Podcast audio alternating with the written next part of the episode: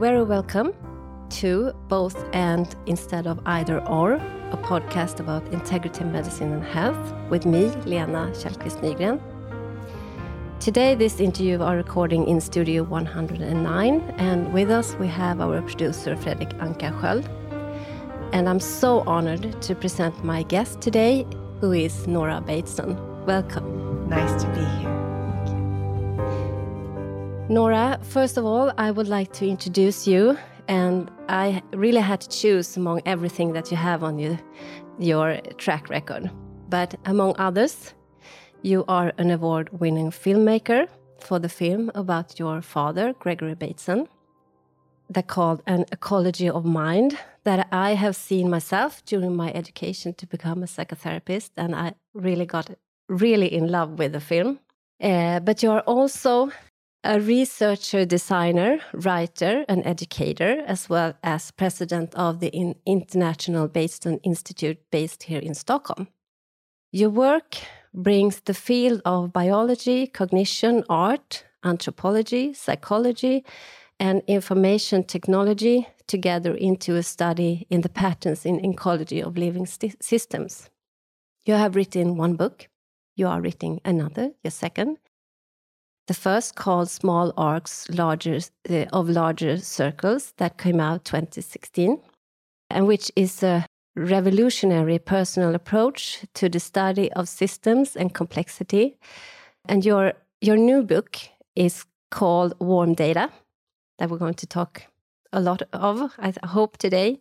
And it's planned to release now in 2020. Uh, and I could go on like this, but I will stop now with telling our listener that your work has been presented at the, in the world at the world's top universities as offering audience a lens through which to see the work, the world that affect not only the way we see but also the way we think.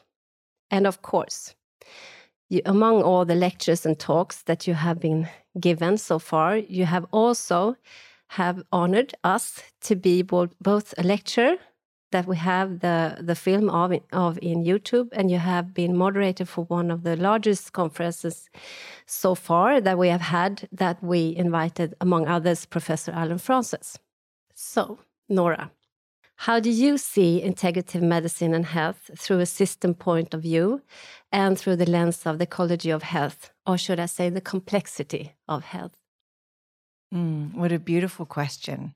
And I think it's an important question, especially in this time. For the most part, we tend to think of health as having something to do with doctors, or maybe something to do with diet and exercise. And we also think of health as being the responsibility of the individual. And I think that what I would like to do just to begin with is to open that up and begin to think about well where, is the health? When we're talking about health what are we actually thinking about? Is my health my own? Can i be healthy if my family's not healthy? If my children aren't sleeping if there's um, an upset in my world am i really healthy? And if there's an unhealthy aspect in my community? Can my family really be healthy? And if if we're living in an ecology, a natural ecology in which the air and the water and the food that we eat is is contaminated or is is limited in its capacity to be vital, can we be healthy? So where is the health? Okay, so so that's that first question of just where where are the edges of even where we see ourselves and our own health. Um, and then the next thing I think to to think about is really is really how the different contexts of our lives come together to produce the conditions that we live within that then produce this thing we might call health, or the lack thereof. In some way, it can be compromised. So that's, of course, economic. if you can't afford to take days off or to keep your house warm or to have access to healthy food, if you can't afford to um, to do the things to to to have time to go exercise your body or to to um, even take part in good hygiene of your teeth or your or your your body. How do you get healthy? And if if you look at that as an economic question of course what you're going to see is that there's all sorts of societal issues there. There's culture there's family there's the the heartbreak and the pain that we carry across generations the shame the blame. And so is it is it somebody's own fault if they're coming from a situation where there has been abuse or addiction and they have found a way to survive in that?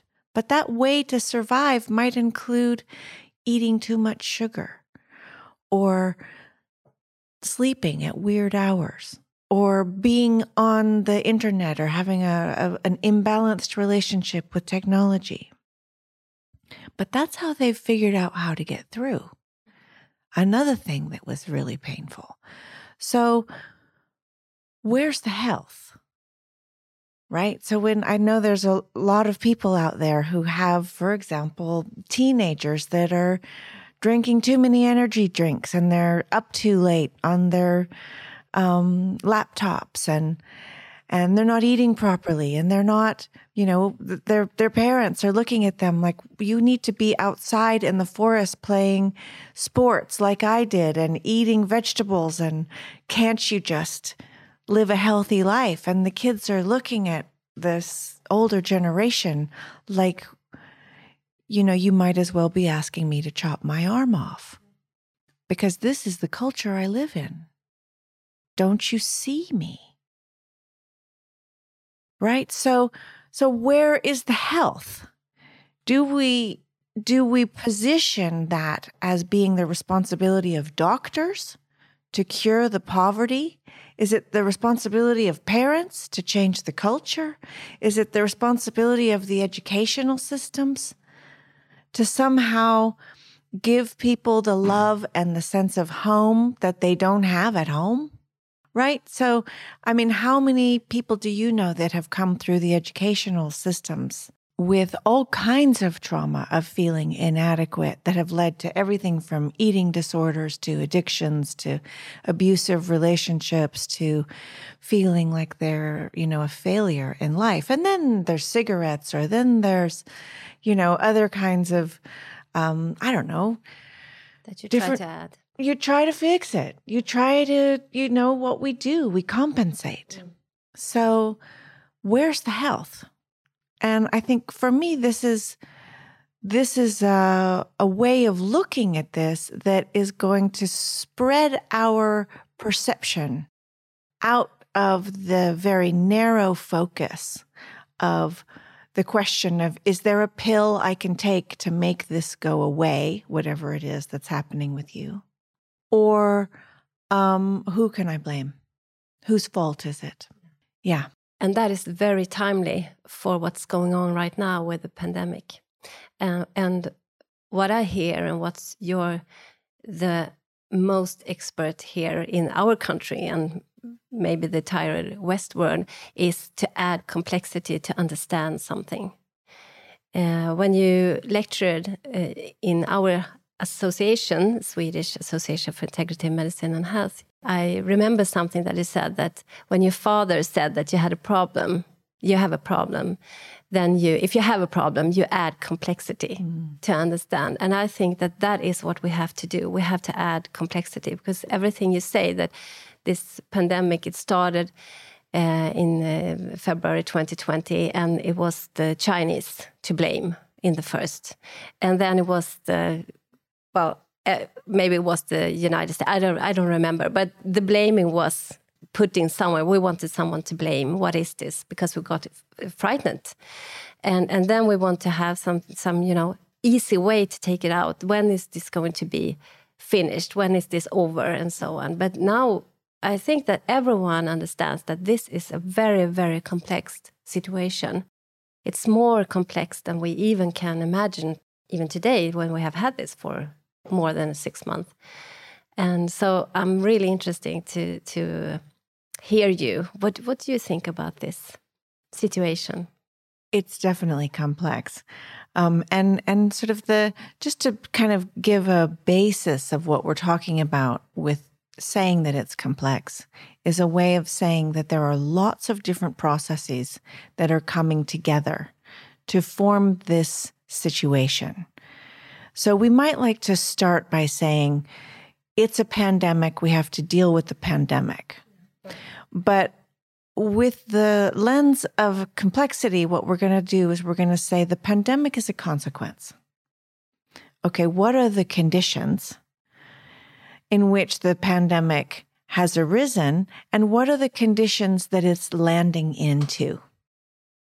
And, and when you start to do that, what you get is a, a, lot of information that makes it, on the one hand, much more difficult to just find a solution. Okay. Dealing with a living system is not the same thing as dealing with your car. No. Right? When there's something wrong with your car, you can go to the mechanic and they have a way of thinking about it that is mechanistic and you replace the parts or you fix the broken things. Mm. In a living system, that's totally off the table. You can't do that. Right? Because in living systems, it's all made of relationships. And those relationships are changing. They don't stay static. You cannot just plot them on a map and think that they're going to stay the way they were. So, the Sweden in which the pandemic landed in February or March of last year is not the same Sweden today. The virus is also changing you and I, we can both look at aspects of our lives, you know, actually huge parts of our lives that have been changed from our relationship to our kids and their school, from our relationship to our financial stability and our work, from the way that we dress, what we're eating, how we're talking to our, um, you know, older relatives and friends uh, what we expect to do this Christmas, how we think about uh, time off. So much has changed. It has certainly did, and and when you say that, I just want to put into this very important discussion about the pandemic. But uh, many people that think if if um, if I say that I'm a systemic psychotherapist, for for an example, this is systemic. They don't they don't really get the systemic because they think about a car or a computer or something. But systemic the systemic perspective that that you are educating in is what you say. It's it's uh, another a whole other thing. What do you say? Another, another thing. Yeah. another thing. So would you just tell us a little bit more about your work mm -hmm. with mm-hmm. systemic the, the, thing that Bateson Institute what's your you, you, can start to to tell us a little about um, based on inst the International Bateson Institute and what you do okay please start there so I think you know and the pandemic is a fantastic example to start with but when we're looking at at systemics or complexity okay in both cases what we're looking at is systems that require lots of interaction. Okay, so your body is a system. All right, it's not just your heart, it's not just your skin, it's not just your um, your visuals or your your blood system or your skeleton or your nervous system. It's also your your your mind, your heart, your family, the way that you think about eating, the culture you live in, and so on and so forth the first thing that we want to do is start to think about the way in which it has been um, convenient to assess living systems as though they were mechanistic. And to think, okay, if this is broken, we just fix it. And then to look around and basically, if you look at all the problems in the world right now, from the pandemic to the climate to the culture change to the political upheaval to the uh, huge wealth gap to um, the degradation of our forests and oceans, every single one of these issues is complex. They are not situations that can be solved with simple solutions. They're situations that require another kind of thinking, another approach. And that approach is an approach not to the problem getting solved, but to addressing the way the conditions are producing it. Right. So, in terms of the pandemic, which incidentally has um, made my work much easier, because prior to the pandemic, when I talked about people you know, the sort of things we're talking about now. And I would make little lists of things like it's economic, it's cultural, it's this and that. And, and people's eyes would just glaze over. They'd just look at me like, what is she talking about? Just make it clear. Um, but then came coronavirus. And this little itty bitty virus came in, and at first it looked like it was a medical issue. And then it became clear oh, no, no, this is an economic issue.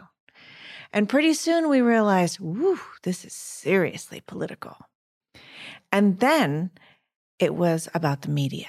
Hmm. What is the media saying about this? This is a this is a journalism issue. This is this is about the media. And then it was like, well, wait a minute. Actually, this is definitely cultural. And every culture is dealing with this in a different way based on, you know, what was in their history. So it's actually a historical issue. And then you look closely and you realize this is about the family. Every family is having to deal with this in, in and our families are restructuring. People are stuck in the house and in very close quarters in marriages they don't want to be in, or maybe they are finding themselves you know, in a new way of being in their marriage.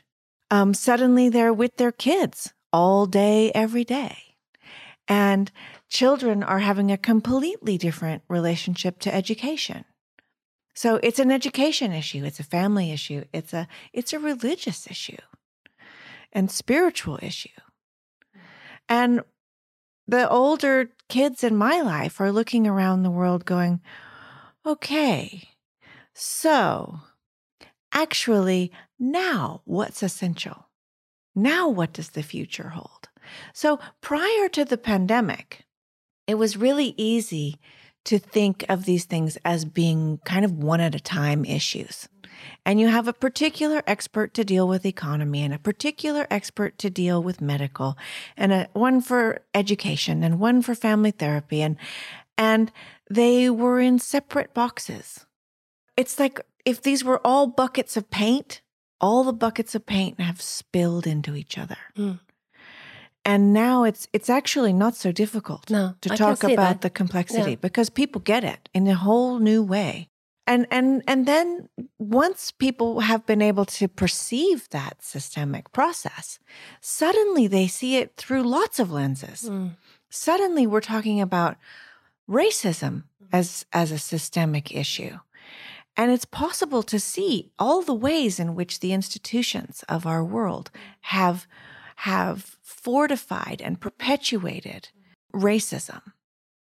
And, and so I just, you know, here are these things that seem so different health, racism, education, economy, and yet they're all in similar patternings it's an isomorphy between everyone. I can I, each and everyone that you speak. I can really see that. Yeah. And I have also thought that and think that now is the time for integrative medicine and health because this is integrative medicine and health for me is systemic.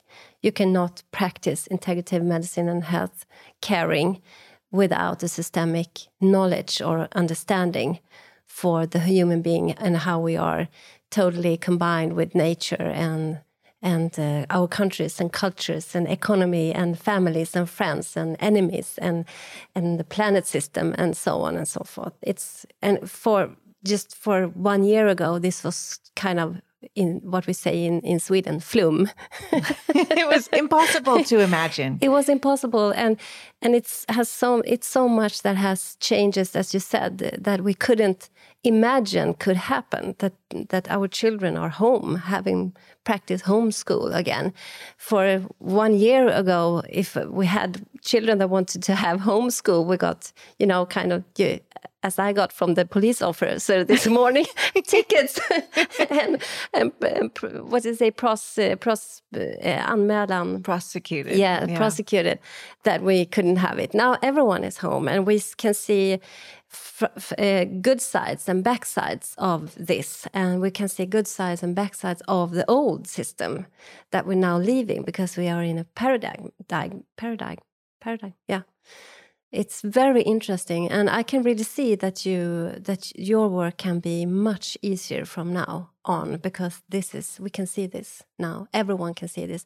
But they are kind of famlar i mörkret as we also say in sweden. We don't know. Do you understand famlar because we don't know how to do complexity. We don't know that because we our scientific ground have been as you said uh, we want to fix this, we want to have a pill for this, and we want to have this operation for that, and we want to know the political who we will choose because this one will make everything good, and so on and so forth. Now we have a complex. We don't know how to deal with this, and it's very interesting. It can happen a lot of good things through this. I think.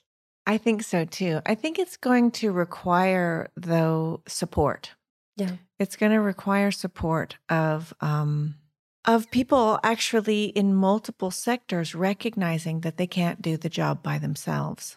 And a whole new kind of conversation has to emerge. Mm. A friend of mine from Seattle who's working in social services, which is a town that has a lot of money in it, has a, a the wealth gap has actually gotten out of control. And with that, prior, this is prior to the pandemic, uh, there were there's a, a, huge increase in addiction and in homelessness, and a lot of people living in their cars. So when you drive from the airport to downtown, there's if you take the side frontage roads, there you can drive maybe ten minutes and see tents and cars where people are living, they where they can no longer afford the rent. There's families living in those in cars. cars. Yeah. Mm. And they're still working. They're mm. not unemployed. No. They just can't pay the rent. And so there was one story that really struck me as an example of just what we're talking about, where this single mother came into the social services offices to get assistance. And after all the analysis that they had to offer her, they gave her antidepressant pills.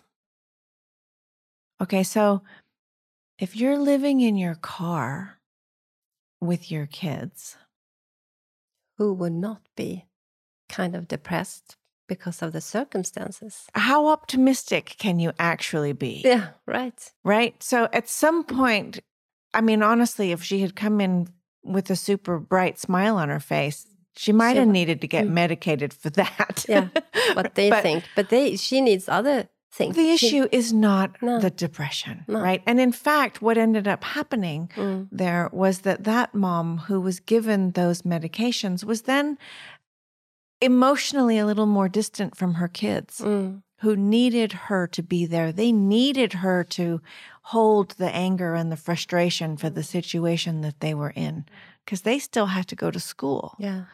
But when their mother was suddenly uh, uh, more absent from the pain that they were feeling, it manifested in their classrooms. Mm. And then those kids start to get behavioral issues. And then they get medicated for the behavioral mm. issues. Mm. So interesting. But where is the where so so we're going to have to have another kind of conversation. A totally other conversation. Because right now we've got, you know, doctors that are basically treating people for their poverty mm. or treating people for trauma in other parts of their lives that's manifesting in one kind of behavior or health issue or another. The, the thing won't stay in the box. When you have a complex issue, it's not boxable. And so to have expertise that is boxed, it's like trying to put a square peg in a round hole. Mm. We're just unprepared. It's- Totally. We're just completely unprepared for the kind of complexity that we have to go into at this point, which has been very evident through the coronavirus. Mm. Particularly, and this is the most kind of difficult issue, is the cultural issues Yes. because you just don't know where those are going to come up or how they're going to manifest. If you look at how each country has responded to the coronavirus, there's all sorts of cultural issues going mm, on. Mm. And so you might like to think, oh, this is about science and research, and then that there's going to be governmental um, response to the science and the research. But actually, that response has to be um, that response has to be considered through the cultural lens. Okay, so the way in which a lockdown in some cultures is an example or a, a, a communication of safety. It says we're taking this seriously and and you are going to be safe and and this is this is what is happening here. Now that was something we saw more in the Asian countries. In the western countries that that notion of a lockdown was an insult. It was a it was a violation of your personal freedom. It was not a communication of safety. And so there's all kinds of response to it. Now, think whatever you want to think about the lockdown. I'm just talking about the cultural aspects of it Mm. And that. and how difficult it is to actually figure out how to respond to a pandemic when the response is not as easy as a test tube response. It's a response that is Mm. is emotional and it's built in the history and and you just you just don't know what how people are going to do. the culture is so and i i i think and i really hope that the culture will have more spot on how important the culture is for everything and and the complexity of what you're saying is that when you're frightened if the the people that is that is the the, the power people that is running the country can't have the, their people calm and safe you have a lot of complexity added because then your immune system is was is going to go down in in, in a bad way when you have a virus because you are so stressed and uh, your body think that you have to do something. You have to flee or you have to you know everything so it's it's complex and it's very important that the culture is and in in Sweden the culture just to see through the pandemic the culture people the people who are working with the culture they are not taken care of at all the culture in Sweden mm-hmm. and now this is the culture people because culture is so much more You mean the arts, right? yeah, I mean the arts. Okay. The people of art. They are not taken care of. They are, you know, they can't. It's a lot of people that can't uh, work with what they can work. But you know, we need the the art people to get us through this.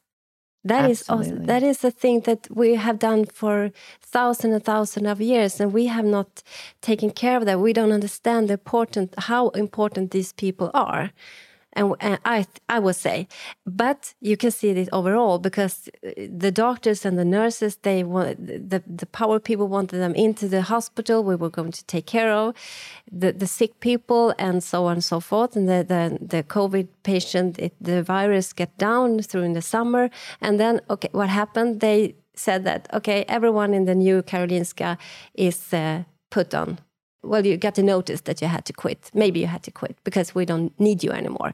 And then just a month before we were going in, they just it was on us, nurses and doctors and so on, that was going to to take care of all this that was happening with the pandemic.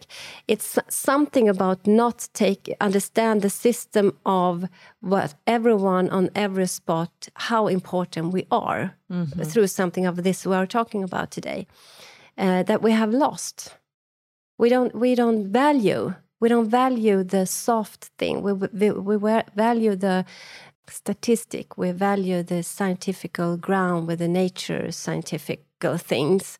We don't understand things, or we, we, we, the people, understand. I think we do that because we have the climate crisis, the spot on the climate crisis, which we also are in right now.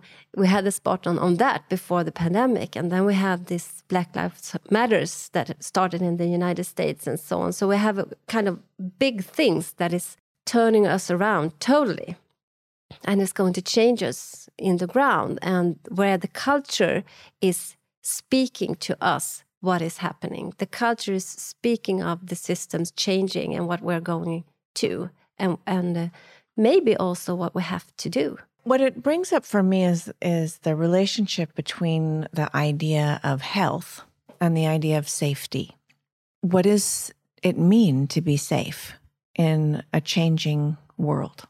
Uh, and and that's a, a question that is not just about your physical safety, but your economic safety, your the the safety of of knowing that who you are will be respected by the world around you. Uh, and I think as we look at some of the uh, the kind of the the vitriol and the the meanness that we're seeing in identity politics and all over the internet and these kind of polarities of of oh i mean you can split everybody a thousand directions right now what is it to be safe and and part of this question i think comes down to the exact same question as health which is how do we actually respond to a complex world where things are changing across multiple contexts simultaneously. And what people would like to do is have things stay the same. If we could just have it stay the same, then we could, that feels safe. The change feels unsafe. But on the other hand, how it has been wasn't safe either. So um, if you stay the same, that's very, very dangerous it's in a changing very, world. Yeah. But to change everything doesn't feel safe. And I think, in particular, this puts politicians in an interesting and difficult position because they need to be able to respond to a world that is very different than the platforms they ran on or what they promised their constituents or uh, you know the the world of 8 months ago is not the same world now. No. And so whatever our politicians promised us 8 months ago is kind of irrelevant at this point. So now the question is, who are they and can they be can they be creative and can they be responsible and respectful in the moment to to circumstances that are emergent? Okay, so this is kind of a, a criteria for a politician or a new leadership that's totally unheard of. Um, and and I think so. This question of safety is right in the same pot as this uh, idea of what is integral health, because I don't see how we can think about health without thinking of it as an integrated process um, through multiple contexts of, of our lives, our children's lives, our elders' lives, the lives of, of all of the organisms. Okay, whatever I my body is something like you know, 400 trillion organisms or something in my body. Right? So is my health even my own? You know, if I don't take care of those organisms. Right. And if I don't, as a mother, we are two mothers, uh, my health is very important for my children, for my family, for my work, for my uh, bidrag to the society, and so on and so forth. So it's so complex. And it's been an interesting history where we've seen, I mean, I, I think that we've seen the medical uh, systems have had to take on the responsibility for the consequences that other systems have brought about. So we have um, you know, if you if you look at some big cities in the world, they have a lot of uh, citizens that have lung illness, and the lung illness is, of course, coming from the pollution the aspects of the economy that are upheld by those processes that are producing the pollution are not paying for the health care. So, or we have, you know, issues going on in school systems where kids feel um, inadequate or they get deeply psychologically hurt by the way the school is set up and in relation to their family or whatever else. And they come out of schools and, and begin to develop addictions. Okay, but that addiction becomes a problem of the medical system and has nothing to do with the school system. In the same way that we have agriculture that is producing food that has all sorts of um, pesticides that are undermining the um, intestinal and microbiome of our bodies, not to mention the soil and the oceans. But when the microbiome begins to malfunction and you start to get, you know, colitis and all sorts of other issues, all the way into psychological issues, um, because we now know that the microbiome also is um, is contributing to our mental health. Those companies who are working in agriculture have no responsibility whatsoever for our mental health. It's not their department. And here you go. This is an example of exactly the same pattern as the single mother who's living in her car getting given antidepressants for her poverty. Right? And so this is where the the the project I think of integral health um, is really a communications project. It's really a project of mutual learning. How do we actually bring these different um, silos of people together, not to get the medical perspective, the economic perspective, the unemployment perspective, the housing perspective, the education perspective, because that would be like switching the channels on your TV. Okay, we don't need panels of people who are experts all giving their opinions. We need groupings of people who are experts who are ready to learn together. And that was I was thinking when you talked about the politi- politician. Politician. politician. There you go. Perfect. Where uh, because I think that they have to step up and understand this that we have to see on different different countries with different cultures. We have to see in different people with different we we like to see that integrative. How do you say integrative medicine? Integrative, integrative, Inte integrative, yeah, integrate. Yeah. yeah, we know what we mean. We know what we mean. Either way is fine. It's uh, it's a very personal centered treatment. When you talk about this, I, I come back to the thing that you said about politicians, uh, that they have to step up to show that they can have an understanding for the system thinking kind of i always come back to the old greek the Socrat Socrat socratiska uh, dialogues mm -hmm. where you put yourself together maybe they do but they have to show us that they do that that we we have to add in a mutual learning as you said to to know to understand new things about our new world because this is a new world that we are approaching and where you can take in people that can teach them how to think in a systemic way, in a mutual learning about all this complexity. According to integrative medicine uh, and health, integrative care, we like to see that is kind of personal centered treatment where you see the, the unique person with all her uniquenesses as the mother who was in the car that to see what what is she in a kind what kind of situation is she is with her children and her maybe her husband or her relatives and economy and everything about the situation she is in. And maybe she has she would be useful to have a prescriptions of depression to come up from this. We don't know or not. Mm. but we have to understand the complexity of the own situation. So we like to see that is kind of what we call person person centered treatment where we have a lot of knowledge. We are different people, different caregivers that can understand something about the person or the family or the couple or the uh, system of relatives or the um, on the work the work group or so on and so forth. And that would i would say our politici- polit- politiker have to understand. On so many levels the real question that i think we get in trouble with is uh, time people being sick or unhealthy is time not at work. And so here we have this giant economic system, this that's chugging along like a big train. And um, if people don't participate in it, it doesn't work. If they get sick, we have to get them back in as quickly as possible. And that is, in, in that sense, you can get a quick relief of symptoms from a pill.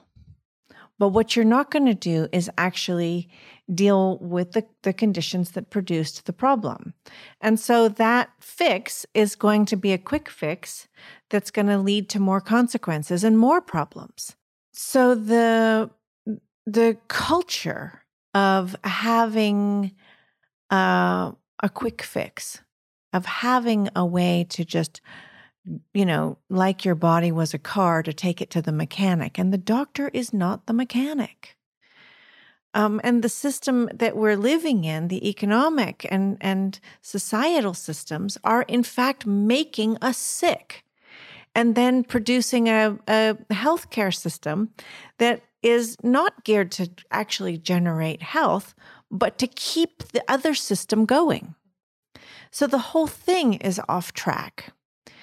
And um, that's going to be hard to admit. It's going to certainly be hard to admit, and but we are going to talk about it. We are going to think about it. The people think about it. So the the power people have to listen. If they don't do it now, they are going to be in the future because we are thinking about why was it the old people that was more most uh, sick? Yeah, is it um, uh, institutional where they are? Is it a lack of rel relatives, or is it the food, or is it the statement they are in, or is it whatever it is? But something was going on that got the old people more sick all over the world. Certainly different if we see in in uh, in different countries and different cultures. And that will be very interesting when I just say it loud uh, right now to you that the Asians they have handled this pandemic better than we have. What do you what do you think about that? Well, they had a, a first round of it. It's not their first time to this. Mm, of course. You know, to this. They have knowledge movie. to deal with this yeah. kind of things. They've been to this yeah. circus before. Yeah, yeah. So, um, and I think that SARS was a lot more extreme. So they had a a much more extreme first round of it. But I think the there's all sorts of questions that I would say go back decades or or more around the ways in which um, Western cultures treat elderly people. How do we treat our elderly? And and what is the what is the way in which their contribution to the coming generations has or or hasn't been valued? That's a that's a question. And I think that question is at the heart of all of those things that you listed. Uh, around, you know, is it the food? Is it the institutions? Is it they no one came to see them? Are they are is it their bodies that have not got the right you know sort of hormone balances in them or, Vitamins or existing or minerals or right whatever yeah ultimately i think what we're looking at is a question of how we live together and it wasn't easy to uh, to watch the tragedy of losing so many elders um, to this pandemic, and to see the dismissiveness which it was carried. I, I heard all too many people saying things like, "Oh, well, they were going to die anyway," um, and and that was alarming, actually. It was alarming. Um, uh, not because death is unnatural. Death is absolutely part of health. Yeah. Okay. So is. that you don't, Our dying is very important. dying is very Mm. important to. So it's not that. I understand it's not that because I think we are interested and agree about about the dying process that can be very beautiful. But this was not a beautiful thing that was going on. It wasn't beautiful. There was something um, about the willingness to uh, make a trade. Not only that, it was a false trade, because here we are in a in an, another round of this, the second wave at least. I think that that what is actually happening is that we're having to really rethink how we think about health. So uh, this your work on int- integrative health is is absolutely critical. I think so Um, too. And I think it's time. And I think that we are kind of prepared to understand this now because I have also been working with integrative medicine and integrative care for so so many years now. But suddenly people know exactly what I'm talking about. Mhm. So it's very kind of prepared to understand something more about integrative medicine, and integrative care, and the, it's it's not an in contradiction. Do you say so? Contradiction to ordinary healthcare at all. It's add. It's kind of we need that too, but we need so much more to add to healthcare Absolutely. and to understand healthcare. That is one thing. We are kind of one of the word. Our Sweden is one of the world best in intensive care in uh, acute vård in uh, and so on and so forth. But we are not good at the complex thing, uh, complex diseases. We are to understand the and what I working as a psychotherapist now. It kind of kind of come to a spot on the mental health because the mental health is so many people are now in not feeling good in the mental health. There are so many to com- who comes to my practice and to my colleagues and and to to, to the ordinary psychiatry.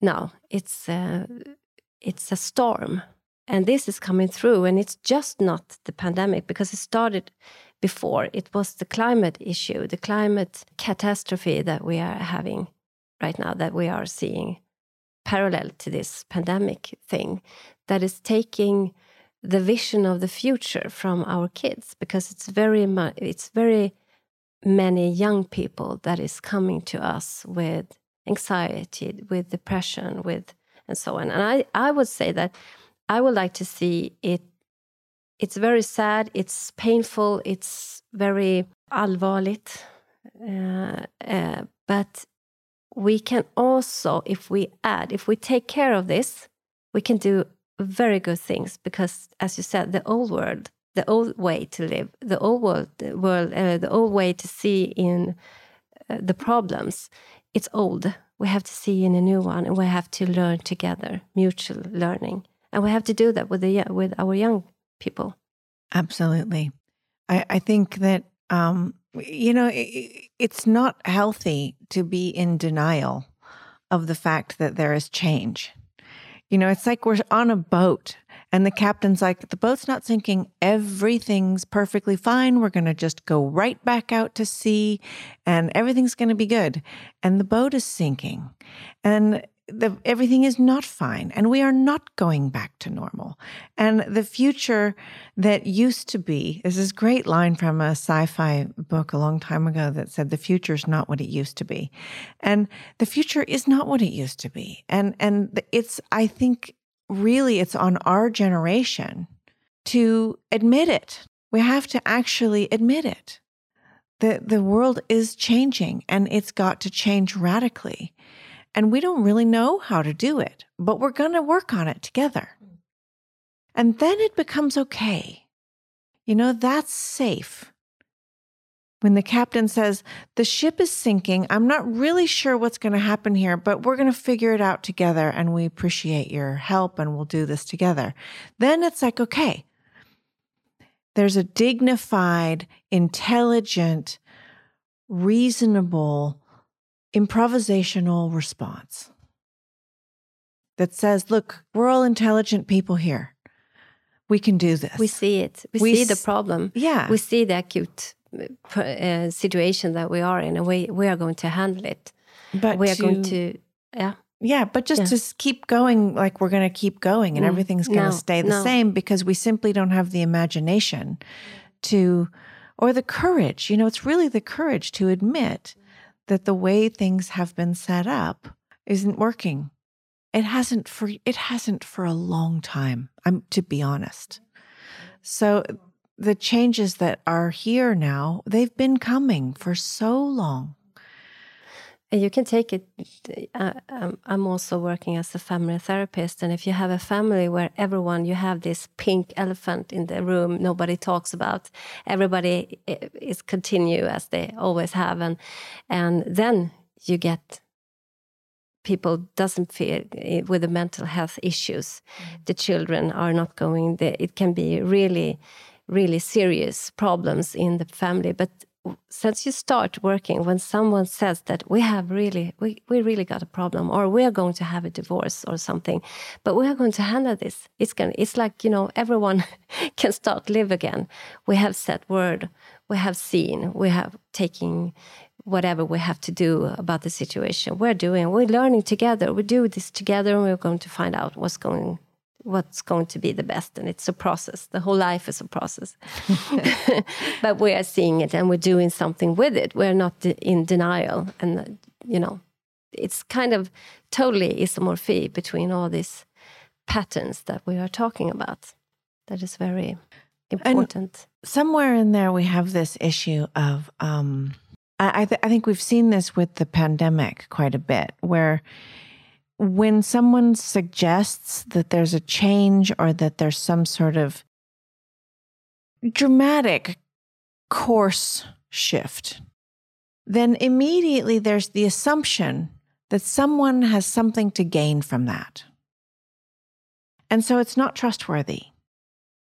And and that that's been all over the pandemic of people being paranoid that whatever the shift was it was a shift that was benefiting somebody besides them so you're leaving all of the buses running because you want to keep the economy going and you don't care that we're dying because it works for you that the economy's still going right? Or you're locking us all down and telling us to wear masks because you're actually, you know, making tons of money in tech and in and in all these other, you know, places. So it's it's, to your betterment and to your agenda that I have to make compromises.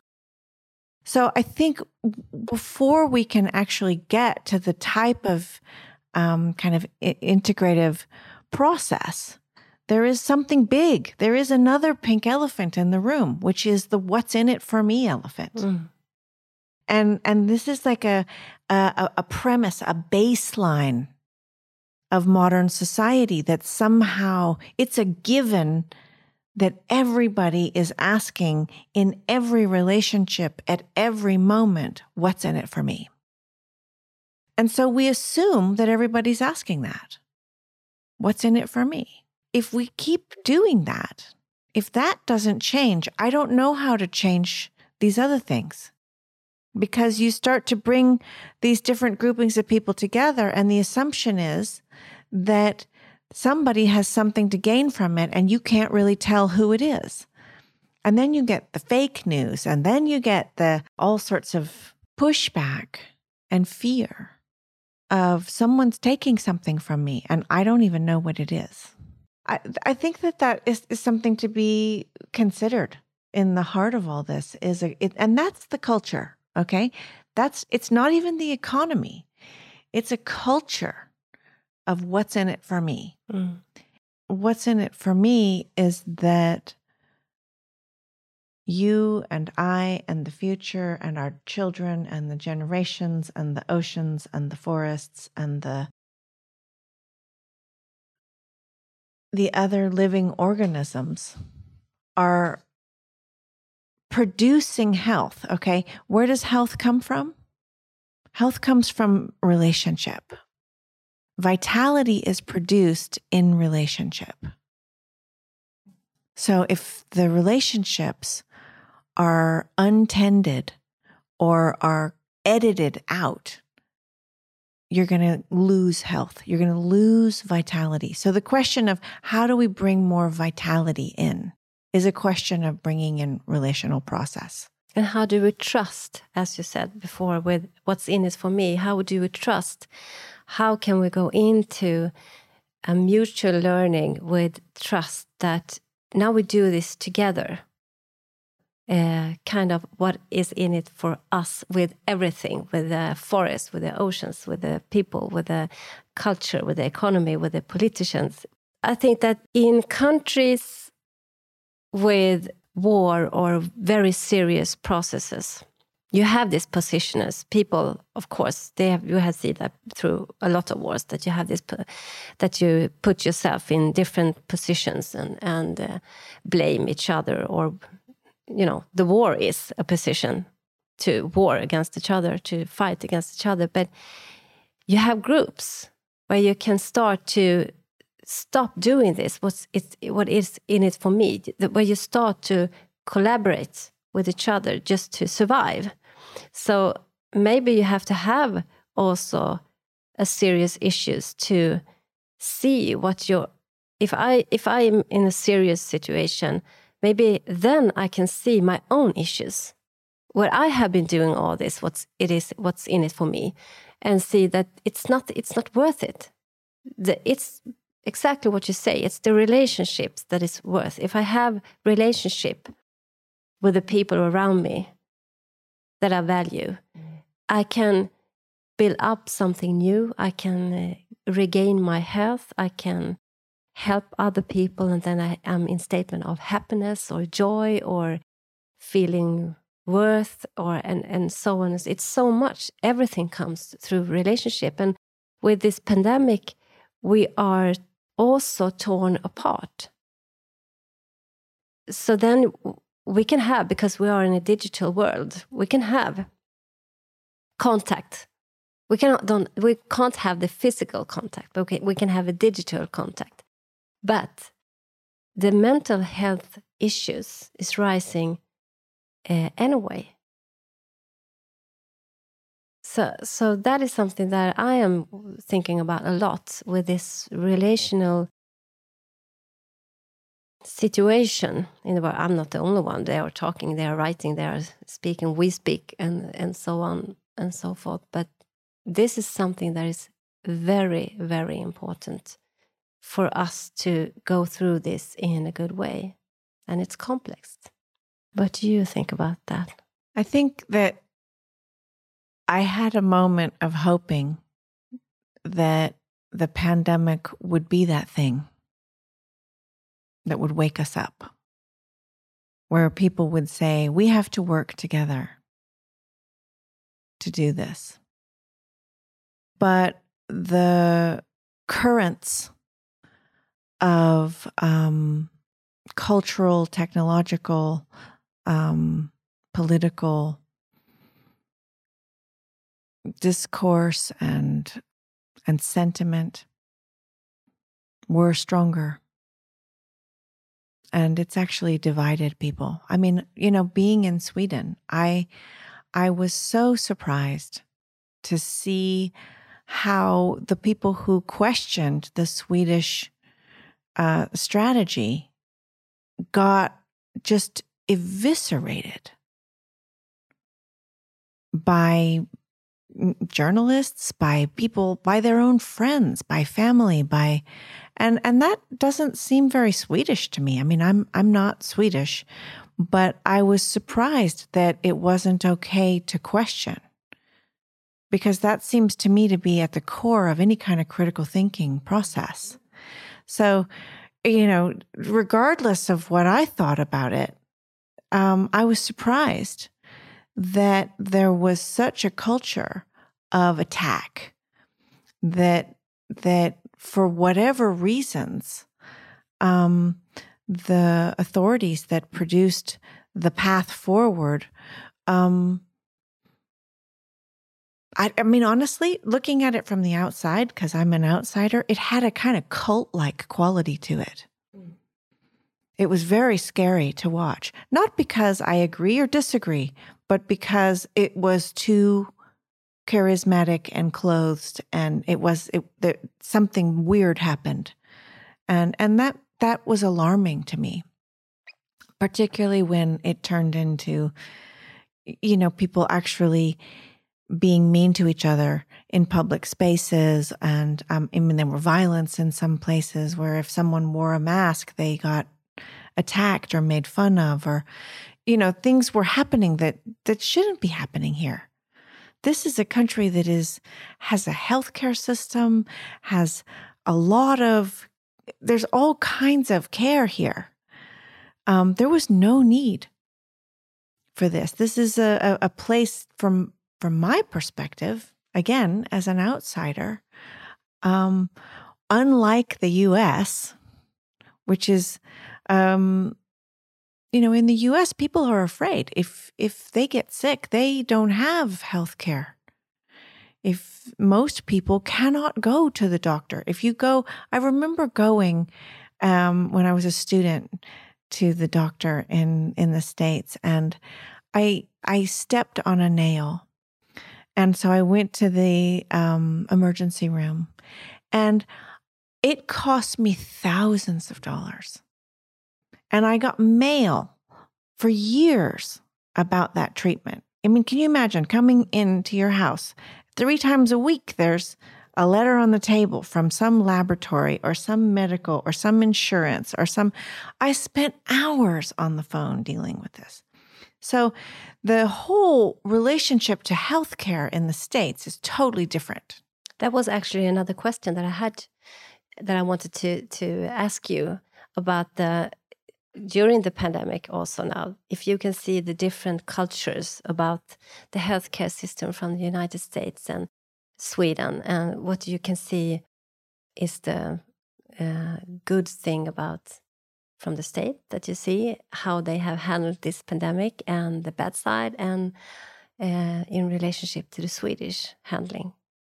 Oh that's a hard question. I you know honestly i um it's very difficult for me to point to any of the good sides. I'm sorry. It sounds so so um depressive, but I I mean, you know, they're just um I think it's been really difficult to think about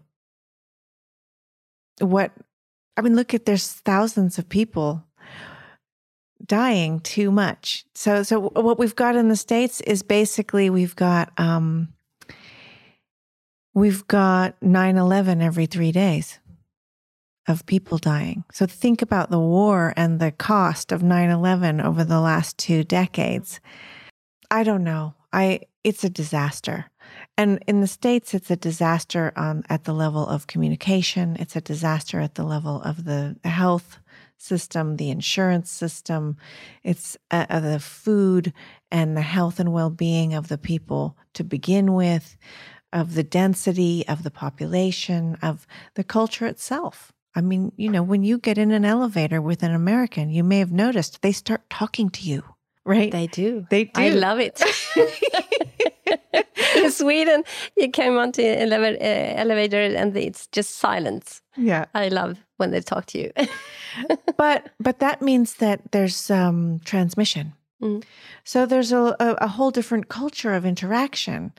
Um, I, I, love this joke that I keep hearing about, you know, Swedes saying, when are we going to get over social distancing so we can go back to standing six meters apart? and and so I, you know, the it's at the level of culture, it's so different. But the idea that you just have medical care, okay, I don't know if it's possible for you to imagine what it would be like to live in a world in which not only you, but no one around you has that thought. Yeah. That you could just go to the doctor is not a concept that we share. And so, think about what happens when you throw the fear of a pandemic into that pot. And and so of course all kinds of you know all kinds of deep latent traumas and fears and paranoias and and illusions in all directions start popping up. Um, but there's also this other thing in the States, which is because we don't have any care, we take care of each other. Yeah, I see that. And and and then, like you said, right now we can't. But still, my mom is 91.